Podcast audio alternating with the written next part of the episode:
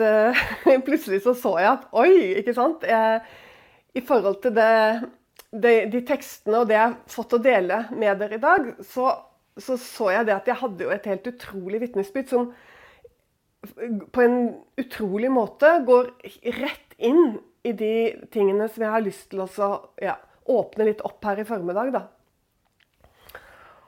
Og er Erlend og meg vi har reist uh, på mange plasser, og jeg har lyst til å anonymisere veldig nå.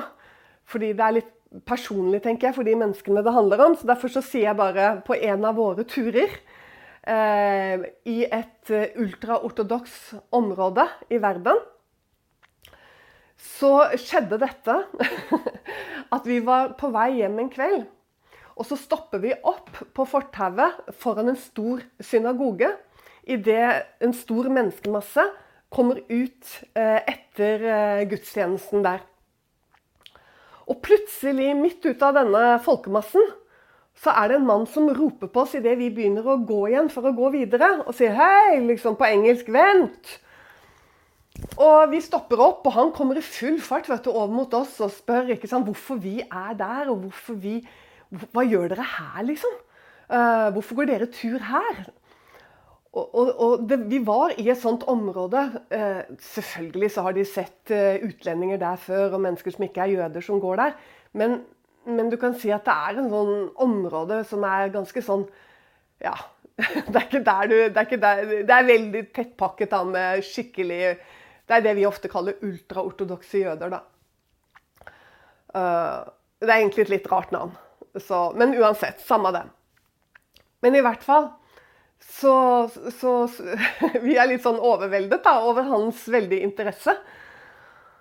Og så forteller han bare videre at han, eh, at han, er kantor. Altså det er han som leder eh, sangen.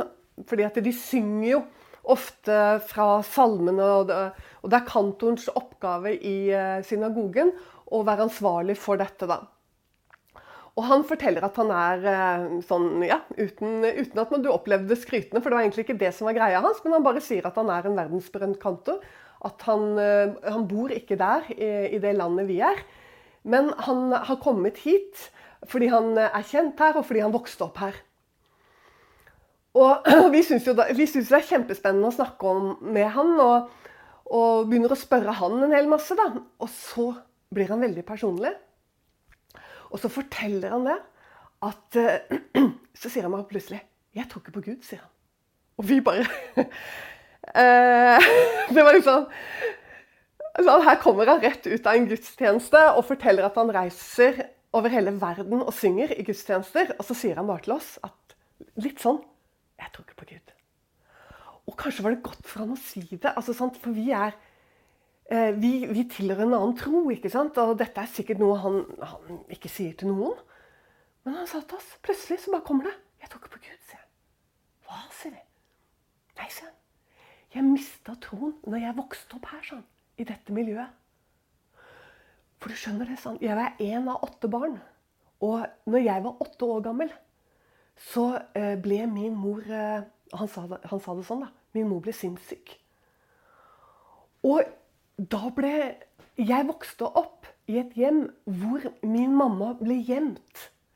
Hun ble, hun ble stuet bort. Hun skulle ikke synes, så hun var, hun var liksom innelåst. Og hun liksom Vi gjorde alt vi kunne da, for å gjemme henne og gjemme hennes galskap. Og det måtte liksom hele familien på en måte være med på. Det var en sånn greie, da. Mamma er gal, og det skal gjemmes for samfunnet, for de andre. Fordi skammen over at mamma var gal. Sånn. Den var så enorm. Og det gjorde sånn at jeg, jeg mistet gudsrom ganske tidlig. Sånn. Så tenkte jeg Jeg bare forsto, eller vi, da, Erlend og meg, vi forsto liksom skikkelig tyngden av det den mannen står og forteller oss. På fortauet, sånn, kanskje klokka elleve om kvelden, i mørket der, sånn, midt på et gatehjørne, står han og forteller oss dette her. Og så sier han at hvis jeg skal tro på Gud igjen, sånn, så må jeg skjønne at Gud er kjærlighet. Og så begynte han å spørre oss om hvordan vi egentlig trodde. Og da kom jo alle hans fordommer i forhold til hva kristendom var. ikke sant? Med, med Maria-dyrkelse, for han kjente jo mye til skriftene. Så, men eh, så langt jeg, Dette er jo noen år siden nå, men så langt jeg husker, så fikk vi vitne for han og sånn. Og jeg tror vi sto der sikkert en time eller to og pratet med han, og forsamlingen hadde jo forsvunnet og alt. Og så skriver han ned eh, adressen sin og spør om vi kan besøke han hvis vi kommer til det landet da han bor. Så hadde han blitt veldig glad om vi ringte han og besøkte han. Da vi gikk videre den kvelden der, så skjønte vi at nå har vi vært med på noe utrolig spesielt. Og selvfølgelig så ba vi jo mye for han i etterkant. Men det som både selvfølgelig, ikke bare nå, men senere har blitt eh, veldig sånn levende for meg, da, med det han fortalte, det er jo viktigheten av en spesiell bok i Bibelen. Og da ikke bare for jøder, fordi jeg har hørt mange vitnesbyrd og historier fra kristne også. Sånn at det er utrolig viktig for kristne òg, denne boken, som jeg har lyst til at vi bare skal titte litt inn i. Og den er så omfattende, sånn at selvfølgelig her kunne man ha bibeltimer en hel uke. Og gått igjennom Jobbs bok. Og kanskje gjør jeg det en gang. Men jeg har ikke tenkt å gjøre det nå. Jeg har bare tenkt at vi skal titte litt inn på noen sånn viktige poenger i Jobbs bok. For jøder først, vil jeg si. Og så for eh, vi som kommer av hedningefolkene. Fordi eh, er, la meg si det sånn, Når det gjelder jøder, så er ikke dette første gangen jo det er kanskje første gangen, men det er ikke siste gangen at Erlend og meg har opplevd dette. Hvor vi skjønner at leser de Jobbs bok? Studerer de den? Får de den undervist, liksom? Det er klart de gjør det. Og det er klart at det er mange her av rabbinere sånn, som har en fantastisk utlegning av Jobbs bok. Det er jeg helt overbevist om. Og husk at også i jødedommen så er det forskjellige leirer. Og forskjellige, Akkurat som hos oss er det forskjellige konfusjoner. Det er ikke helt på den måten i jødedommen, men litt sånn også. Men selvfølgelig, i, i noen samfunn eh, med ja, Alt ettersom rabbineren og hans lys over skriftene og sånn. Men, så jeg vil ikke si at dette gjelder for alle jøder. Ikke på noen måte. Men du kan si vi har truffet flere av dem, og det gjør jo at det har blitt veldig interessant for oss.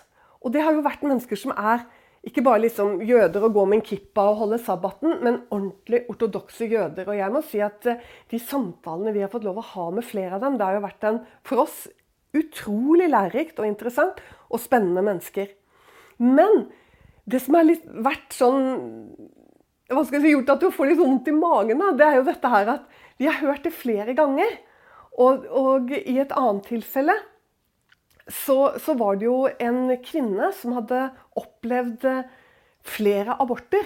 Altså ikke da provoserte aborter, men hun hadde mistet barn flere ganger etter hverandre. Og så var det mannen som fortalte at for hver gang dette skjedde, og dette var han betrodde dette til oss, for han var bekymret for kona si, at hun la på seg en strengere og strengere tro.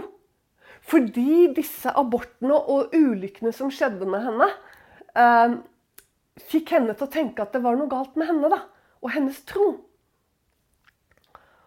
Og dere jeg, vi, vi, har, vi, har, så mange av disse samtalene, og, jeg, og det har gjort at jeg tenker at Hvor mye blir det forkynt i en del miljøer da, over denne boken, og hvor mye forståelse er det over det? Og kanskje er noe også eh, bundet sammen med dette. At for oss så er jo dette med forståelsen av Satan og Satans eh, virkelighet og hvem han er, og ikke minst den tross alt da, den makten han har i verden Jesus kaller han jo for verdens fyrste. ikke sant?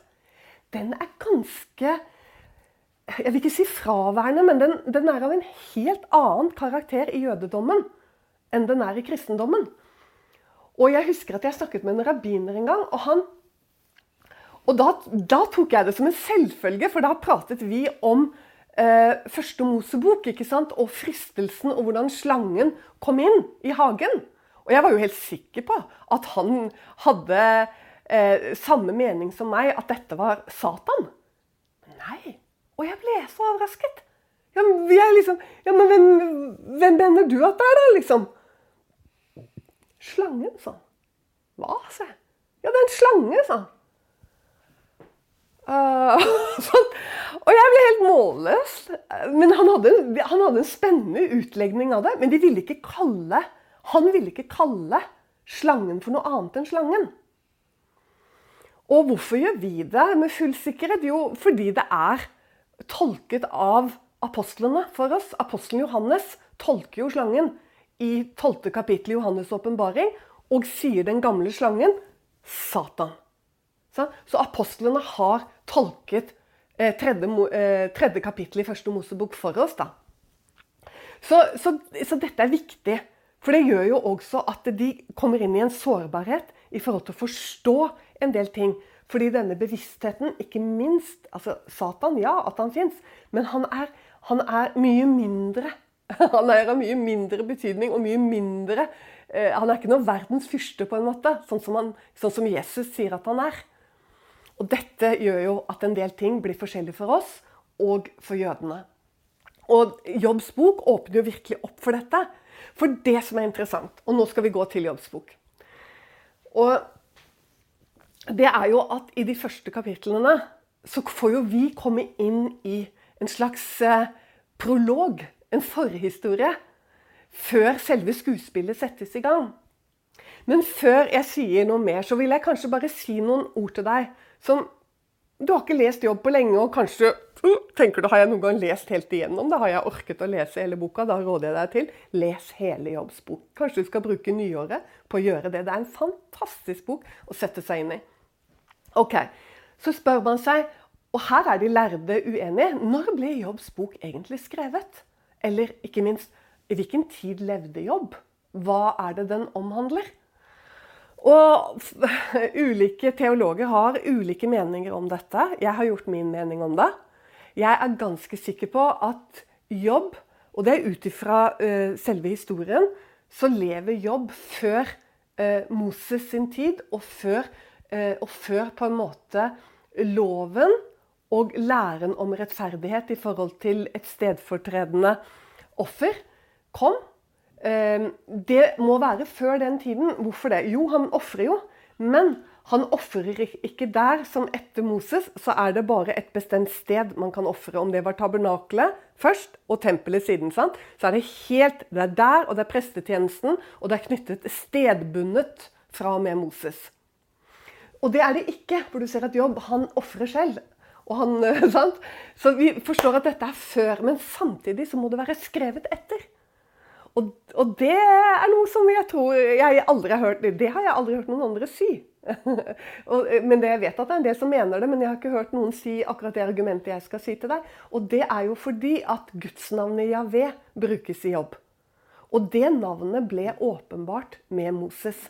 Sånn at når du leser Javé også i første Mosebok, så vet du at det må være skrevet en eller annen gang enten av Moses, som vi tror at første Mosebok er skrevet av Moses, eller noen andre etter han.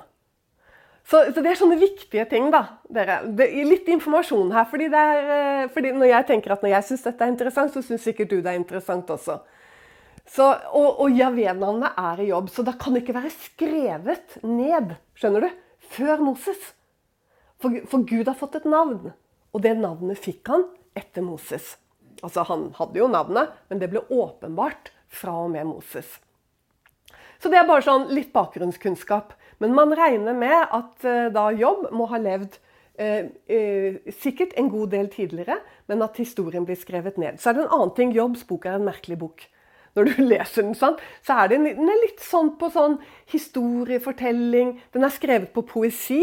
Altså både El Elifas, disse tre vennene til Jobb, som kommer og skal trøste han etter alt det som skjer med han. Det er Elifas, det er Bildad, og det er Sofar. Og alle de tre der snakker liksom i sånn poesiform. Sant? Og det, så det, det, det, har en sånn Ja, det, det har en sånn eh, Det er som du leser et stor, stort poetisk verk, da. Så det som, det som, vi tenker med jobb, er jo at uh, dette er jo ikke liksom noe som er skrevet nøyaktig ned, og så sa han det, og så sa han det, og noen som var vitne til denne samtalen. Nei, dette er jobb har levd. Men selve måten det er skrevet ned, og hvordan det er på en måte satt i scene, det er gjort av en gudstjener, jeg bare sier det sånn, med stor åpenbaring. Stor åpenbaring om hvem Gud er. Om Altså, jobb er først og fremst, sånn som jeg ser det, viktig teologisk. teologisk. Og det er viktig også. Det er ikke bare viktig for jødene teologisk. Det er viktig for kristne også. Og det er viktig å på en måte forstå disse hovedlinjene igjennom boken. Jeg har allerede sagt noe om prologen, inngangen til Jobbs bok, med, med uh, Gud selv og Satan. Og det står noe om at alle Guds sønner kommer inn for Guds råd. Og så Av alle disse Guds sønner så kommer også Satan, står det. Og, det, og vi forstår at disse sønnene, det er engler. Og Så kommer også Satan, og han er en engel, og han kommer inn for Gud, og han har et navn, og det er anklageren. Han er anklageren. Og det er jo litt, det er jo litt sånn der eh, Og det første han er ute etter, er jo å anklage. Så han er virkelig eh, det navnet han har. Sant? Anklageren. Og han, han, er det med hele seg. Det, det, første han gjør, er jo ute etter å anklage. Men Gud er Han sier han spør ja, hvor kommer du fra, Satan? ikke sant? Jo da, jeg har faret hit og dit, står det helt ordrett på hebraisk. Jeg har faret hit og dit og til og fra. Det er det han har holdt på med på jorden. Og vært ute etter ikke sant? å finne feil. Det er, jo det, han, det er jo det han både er og var. Fordi han er anklageren. Og så sier da Gud, har du sett min rettferdige tjener i jobb? ikke sant? Han gjør jo alt som han skal, og sånn og sånn. Og ikke sant? det er jo denne ulastelige mannen Og da begynner historien. For det som er Satans poeng, er at han er bare det fordi det gagner han å være en troende. Det er det, det er det, som er Satans poeng. Det gagner jobb, Gud, å tro på deg. Fordi at du hegner jo om han og velsigner han hele tiden. Så det er ikke rart at han tror på Gud. Og da, og da skjer litt det der jeg tenker sånn Det er veldig rart, og jeg tror vi har snakket om dette sammen før. Fordi du vet at Jesus sa noe til eh, Peter og disiplene før han skulle lide og dø. Så advarer han dem, og så sier han det at Satan har krevd å sikte dere som hvete. Og du vet, Å sikte som hvete var lenge så gikk jeg rundt og tenkte at det å bli sikta For da så jeg for meg en sikt. Og hva er det som er så grusomt med det? liksom, sant? Å bli, å bli rista, litt rundt inn i den sikten. Men dette ordet som brukes på gresk her, handler jo om hele prosessen. Og hvete er jo det som blir siktet aller hardest, fordi det har så harde skall rundt eh, kornene. Sånn at først så må du slå de. Slå de løs! Hamre de løs. Og de har jo egne plasser sant, på den tida hvor de tresket med brukte dyr ikke sant? Og, og harvet og knuste disse skallene for å få frøene løs fra agnene før du kunne sikte altså? Eh, Få agnene til å fly med vinden. Sånn at Det var en voldsom prosess å bli siktet som hvete. Så disiplene skjønte hva, hva, Jesus sa når han sa det. At Satan har krevd det. Og det er jo det han krever her. Det er jo det han krever av Gud. Han krever retten til å sikte jobb som hvete. Og, og, han, eh, og man må kanskje bare si det sånn at eh, vet man om noen som ble siktet hardere enn jobb? Og på mange ganger så føler du nesten at det er litt sånn eventyraktig. Måten det er skrevet på, for så kommer det en mann, og han bare forteller at alle, hele budskapen din er død, og så kommer en annen og sier sant, da, alle fårene dine er døde, og så kommer en og sier at ja, alle kamelene dine er døde. ikke sant? Altså, alt han eide, da, mister han. Og og, så, og, og, jobb holder seg gjennom dette, og så kommer det en ny og forteller at det kommer stormvær, og hele, alle barna dine, ikke sant? syv sønner og tre døtre, de er døde alle sammen. Og, og jobb, han, han, han, sier bare Gud, Herren, to, Herren ga, Herren tok Guds, Herrens navn være lovet. Og så Satan lykkes ikke, vet du. Men så kommer han igjen til Gud. Og, liksom, og da sier Gud liksom 'Ser du ikke?' Ja, sant? Han, sant? Og, men han, han, vil videre. Sant? Han skal virkelig sikte han som vet det. Så han vil gå løs på hans, hans kropp. Han vil plage han med sykdom. Og han blir slått av byller fra føttene og hele kroppen sant, fylt av byller. Og han sitter til slutt bare naken omtrent i aske og skjærer seg med potteskår. Og da kommer kona, vet du. Og da begynner det. Da kommer konen. Og da kommer anklageren gjennom konen. ikke sant? Holder du deg fortsatt like ulastelig jobb? Sant? Og det er jo dette som blir den linjen som nå skal fortsette. Fordi disse såkalte vennene hans, da, Elifas, Bildad og Sofar, de kommer jo inn akkurat som kona. Fordi de sitter ja sammen med han i syv døgn og sier ikke et ord. Men bare sitter der med hans, i hans sørg og i hans tap. Og vær klar over viktigheten av Jobbs bok for jødene. Og det er dette som er så rart. Fordi det er jo nettopp fra denne skriften at de har tatt dette og sitter, eh, er det ikke, og sitter skiva. Så når noen dør iblant jødene, så er det veldig vanlig at slekt og venner kommer. Og at man liksom rydder huset til det. Og det skal være én uke, akkurat som i jobb. Akkurat som i jobb. Syv døgn hvor man bare sitter sammen med den som har opplevd tap og stor smerte. Skal bare være der sammen med dem. Sitte i skiva. Så dette kommer jo fra Jobbs bok. Og dette gjør disse vennene. Og de er jo kloke, de sier ingenting til ham. Men så begynner jo jobb ikke sant? etter syv dager, og da begynner han å forbanne den dagen. Da greier han ikke mer. Og han forbanner den dagen han var født, og han forbanner, ikke sant. Og han Du må bare lese det selv. Det er Han kommer bare Han bare bryter sammen, rett og slett. Og da, du, kommer disse her såkalte vennene. For de, eller, jeg skal ikke gjøre sånn heller. For de snakker jo ut ifra sin forståelse, da. Sant? Altså, de prøver å hjelpe jobb. Og nå uh, begynner det. Og jeg har lyst til at vi skal gå litt sånn Gå inn i noen av disse stedene, og vi kommer videre, liksom. For jeg, jeg, vil jo noen steder med det. Men, men det jeg vil si til deg, er at du vet at denne boka her sånn, det er Guds ord. Alt inni her er Guds ord. Det er vi enige om. Men alt inni denne boka er ikke sant. Det er viktig å være klar over. Fordi at Gud, han i ærlighet lar han det utspille seg. Det menneskene eh, tenker og sier for å komme fram til det som opplyser Guds ord, og hvem han i virkeligheten er. Forstår du hva jeg mener? Sånn at når Elifas og jeg har hørt folk sitere ikke sant? disse herre vennene til jobb.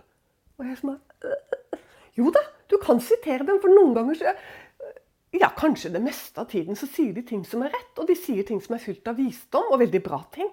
Men så sier de jo ting som er sånn Hysj! Du må ikke si det! Sånn? Og det er jo dette som er så fantastisk med Bibelen. Og det er nettopp derfor den er Guds ord. Fordi den åpenbare sannhet. Altså, Guds ord er sannhet. Summen av Guds ord er sannhet. Og dette Det er vel ingen bok i Bibelen hvor dette kommer mer tydelig fram enn i Jobbs bok. Summen av Guds ord er sannhet.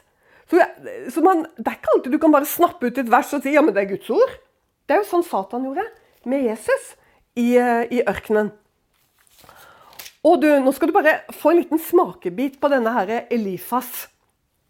Og hvordan han da begynner å, å snakke til jobb. Og ja, hva han sier for noe i fjerde kapittel, i det sjette verset. Er ikke din gudsfrykt din tillit? Din ulastelige ferd ditt håp? Jeg, jeg vet at både du og jeg nå sant, Vi avslører jo dette. Men du, det er ganske fort gjort å lese forbi her og ikke Oi, hva er det står her? Tenk om det hva? Tenk hva han sier for noe. Er det ikke det nettopp det at du er så trygg, da? På at du, at du, du vandrer så rett, og du er så gudfryktig? Er det ikke det som er ditt håp, da? Og din tillit? Sier han derre sier Elifas til jobb. Så sier han Så kommer det, så blir det verre. Tenk etter. Hvem omkom uskyldig? Og hvor gikk den rettskaffende til grunne jobb? Kan du tenke deg noe mer knusende å få høre? Altså, her har du mistet alt. Alt du hadde kjær utenom din kone, og hun, eh, hun står heller ikke med deg. Hun vil skal, hun vil at Jobb skal innrømme at, hun, at, han har gjort noe galt. For dette hadde ikke skjedd hos Jobb hvis ikke det var et eller annet som du ja, holder på med i hemmelighet eller et eller annet. Så hun, hun, støtter han jo ikke. Han er helt alene. Og så trodde han nå at vennene hans satt der og sørget med han, forsto han. At, er, at han er rammet av noe han ikke under noen omstendigheter kan forstå. Men disse vennene gjør jo ikke det. Og, og, han første han har jo da allerede gitt uttrykk for det, og, og så fortsetter han. vet du. Men da ser du hvor han selv er. Sånn, han kan ikke råde bedre, han, for han har ikke mer lys og forståelse. Så sier han at han hadde hørt Han sier Og til meg stjal det seg et ord. Det lød for mitt øre som en hvisken. Altså Han sier at han fikk en åpenbaring til jobb. Under skiftende tanker ved nattlige syner, når dyp søvn faller på menneskene, forteller han. Frykt og beven kom over meg, så alle mine ben tok til å skjelve. Og en ånd for forbi mitt åsyn, og hårene på mitt legeme reiste seg. Den ble stående, men jeg skjelnet ikke klart hvordan den så ut. Ser du, Han skjønner ikke, han tror det er Gud. vet du. Han skjønner ikke hva det er. Det var en skikkelse som sto der for mine øyne. Jeg hørte en stille susen og en røst. Han tror det er Gud. Og hva er det den røsten sier? Jo, er et menneske rettferdig for Gud? Eller er en mann ren for sin skaper? Oi Altså det, sant? Her er du inne i et felt, og spesielt på den tiden, som er sant og samtidig ikke sant. For vi vet jo hva Gud har sagt om jobb. Sånn at eh, jobb blir så rammet her, og, og, er egentlig satt litt ut av kurs. Altså sånn, Han er jo ikke på kurs heller, men altså han, er, han, er, han, er, på en måte her settes han ut. Og fra og med her så går han inn i en dialog med først Elifas, senere med Bildad og så med Sofar som bygger seg opp og gjør at jobb på en måte Altså Det som er så nydelig da, med, med, med denne dialogen utover, det er jo at her utspilles, sånn som jeg ser det, det som Paulus skrev i Romerne 8, at alle ting samvirker, eller virker til sammen, til det gode for den som elsker Gud. Og, og det er nesten en sånn kan du si Syns jeg noe som ligger under, da. Gjennom hele det som nå utspiller seg mellom jobb og vennene. For jobb han gir seg jo ikke, men det som kommer fram Og det tar ikke så lang tid. Det er at jobb er jo på akkurat samme sted som vennene, egentlig. Altså, Han er ikke noe annerledes enn dem, han. For det han gjør, da, er jo at han prøver å hardnakket eh, forsvare seg i forhold til at han er rettferdig. Og etter hvert så tar han jo helt av. Og når du kommer ut i Er det uh, to eller 31. kapittel eller noe sånt? Like før Elihu kommer inn. Det er den fjerde uh, personen som snakker, prøver å snakke jobb til rette. Og som er annerledes enn de andre. Det er rett før han kommer inn, for da klarer ikke han å tie. For da blir jobb så til de grader selvrettferdig. Og det er fordi han finner ingen annen utgang. Fordi at Hvis hans tanke er det at en, en uskyldig blir ikke rammet tilfeldig Altså, du blir ikke rammet. Du? Og han samtidig vet det, at han er det. Så, så han kommer inn i et sånt dilemma, da. Hvor han, eh, hvor han, eh, han, han, han har ikke noen annen utgang. Han finner ingen annen utgang. Og det er jo dette som da vi får være med på. Og som kristne så har vi ikke sant? Vi har jo en annen utgangspunkt når vi leser dette, som gjør at vi kan forstå det også på en annen måte. Men hvorfor jeg har liksom lyst til å si det, at Jobbs bok burde være obligatorisk for alle eh, å lese, og ikke bare lese den, men å studere den, det er fordi den er så viktig teologisk.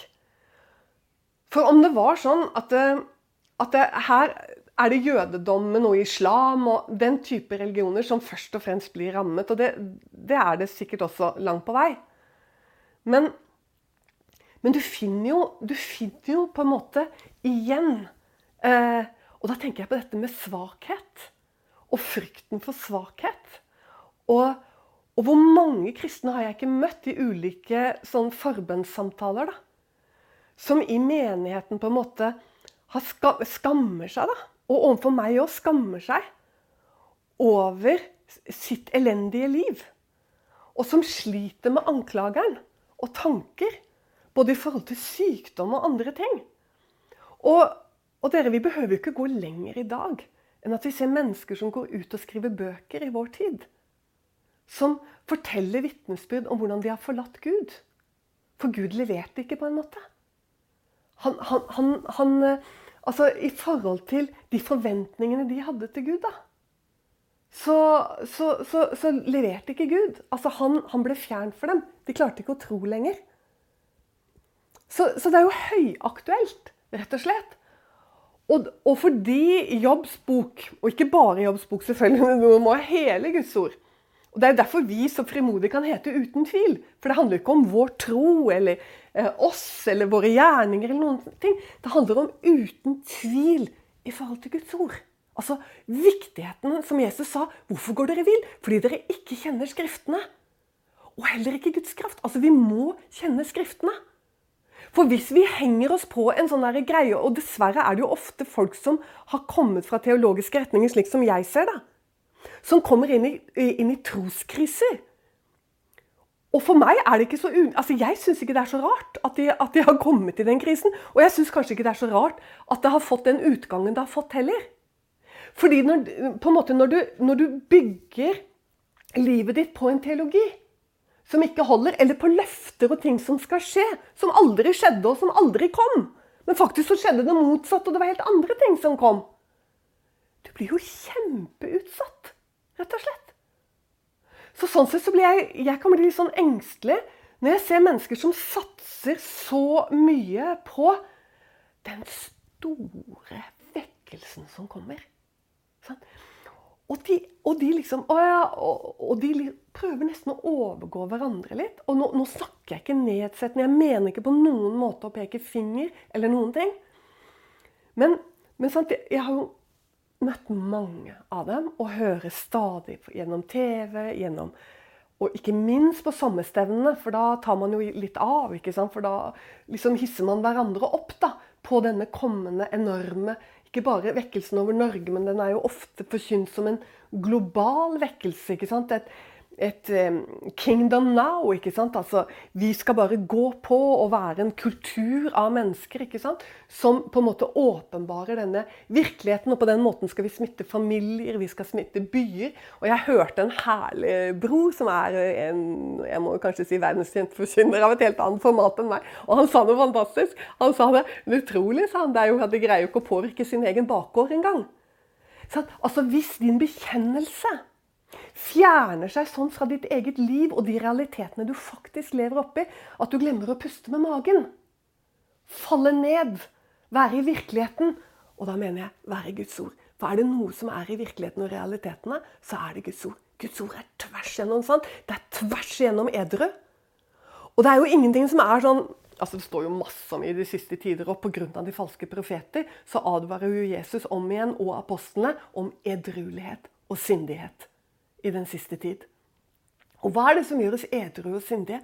Jo, det er Guds ord. Vi blir edru av å lese Guds ord. Og hvis vi blir i ham, altså, og det betyr jo som Jesus sa, å bli i hans ord Du skjønner det? Du kommer ikke til å gå vill. Du kommer ikke til å si Gud adjø. Årsaken til at mennesker gjør det, det, er, det, kan være mange. Det kan være at de aldri, altså de aldri virkelig kjent han. Men det kan være også at de har kjent han, de har blitt frelst. Men så har de blitt flasket opp i en forkynnelse som har begynt å ta av i forhold til Skriften. Og det er ikke alltid du skal ta så mye av. Det er akkurat som, du, med, med, det, er akkurat som det å styre ikke sant? Jeg tenker i forhold til kompassnålen. Altså, Du skal ikke ta så mye feil før det i fortsettelsen blir fryktelig feil.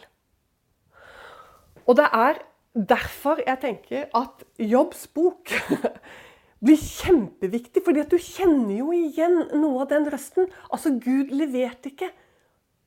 Men spørsmålet blir hvorfor ser du det sånn, Jobb? Eller hvorfor ser du det sånn, eh, Rita eller Karin eller Jens eller hvem du er? sant? Hvorfor? Hva er det som har skjedd? Og det er alltid noe som har skjedd i forhold til ordet, i forhold til realitetene, i forhold til sannheten. Hans ord. Hellige oss i sannhet. Ditt ord er sannhet. Og så, dere, så tror jeg det er mange som har misforstått det som skjer på slutten. Eh, der hvor Elihu Det er veldig spennende. Du må lese eh, spesielt nøye slutten på Jobbs bok, der hvor Elihu kommer inn. Altså avslutningen der hvor Jobb tar helt av i sin selvrettferdighet og anklager Gud og stiller seg som mer rettferdig enn Gud. Det er det, der det fører han til slutt. Og det, kan, det, du kan si, da, er på en måte at her er det Hadde ikke Elihu kommet og Gud grepet inn, så hadde jo Jobb mistet troen sin. Det er jo det som skjer. altså Hans selvrettferdighet og hans anklage mot Gud tar av. Og, og, og det er veldig bra at det skjer. For det, det, liksom det åpenbare, og her utspiller det seg noe for oss. Men legg merke til Elihu og hva som skjer mot slutten av Elihu sin tale til jobb. For så, det, så begynner han å snakke om Gud. Og her, og her, og her begynner det, vet du, åpenbaring. Han snakker om Gud og hvem han er. Og han bruker, han bruker jo da ikke sant, universet, han bruker lovmessighetene, begynner Elihu med. Han åpenbarer jo egentlig en enorm eh, visdom og kjennskap til skaperverket.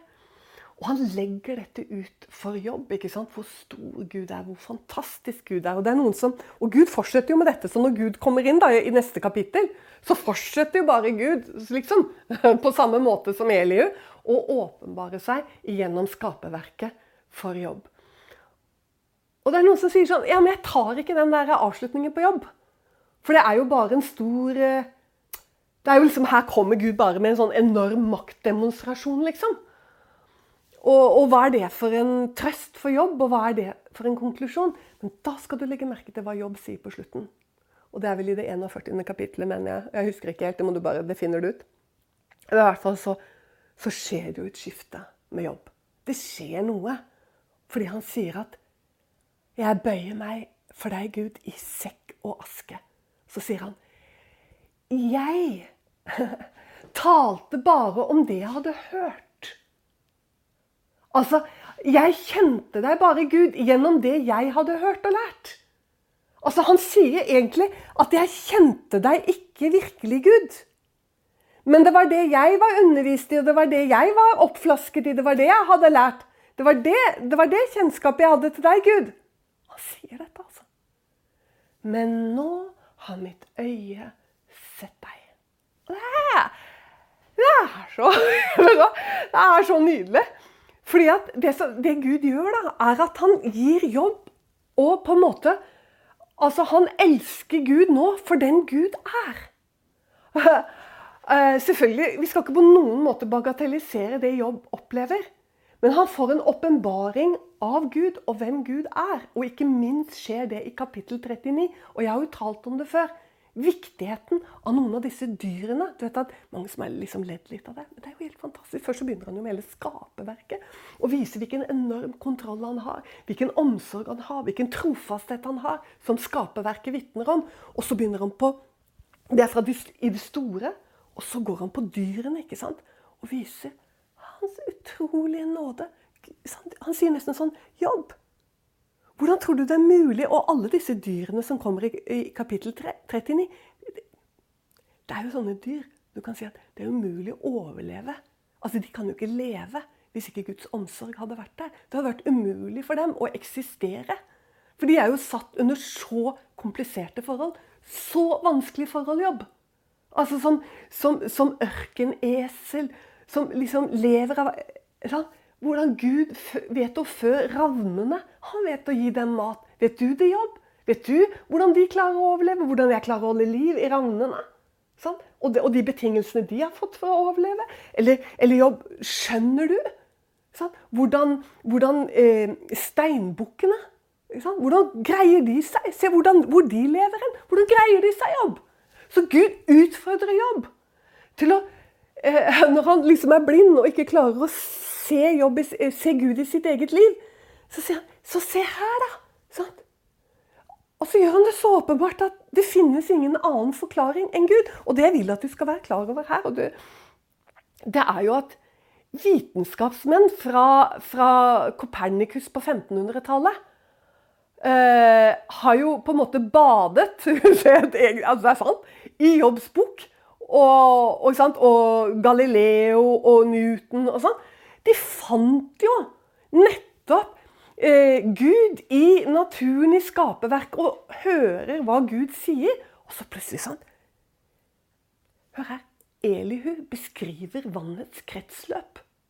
Og Gud fortsetter å utfordre jobb på hvordan lyset brytes. Lysbrytningen, som kom som en lov, når var det? På begynnelsen av 1600-tallet? Eller noe sånt noe?